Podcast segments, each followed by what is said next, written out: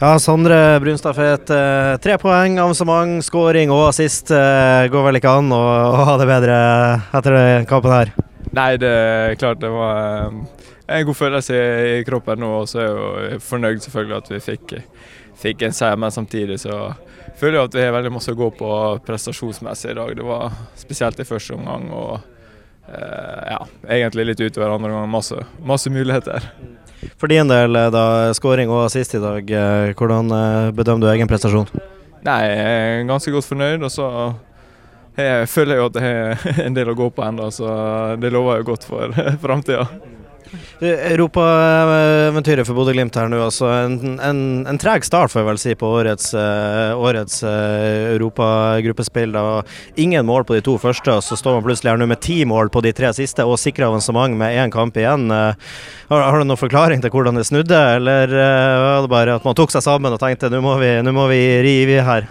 Nei, det er jo, det er jo litt tilfeldighet å gjøre også. da, altså. Så Borte mot Lugano så hadde vi vanskelig vanskelig bane, og Klubb Brygge er et godt lag. Så, men igjen, den kampen burde vi kanskje ha skåret også, så det er veldig masse tilfeldigheter. Altså, men uh, vi er jo godt fornøyd med å ha skåret såpass de uh, siste kampene. Og Nå skal det jo avgjøres i Belgia 14.12. hvem som blir nummer én og hvem som blir nummer to. Glimt må vinne med to mål for å, for å ta gruppeseieren, men uh, må jo helt ærlig spørre, uh, vil man det? Altså, de, de to ekstra tellende treningskampene før sesongen 2024, er ikke de kjekke å ha? Nei, altså Vi har eh, selvfølgelig alltid lyst til å være best. altså Vi får se. Det, altså, Klubb Brygge er et godt lag, så det, vi må bare ta fighten her nede først, og så ser vi hvordan det går.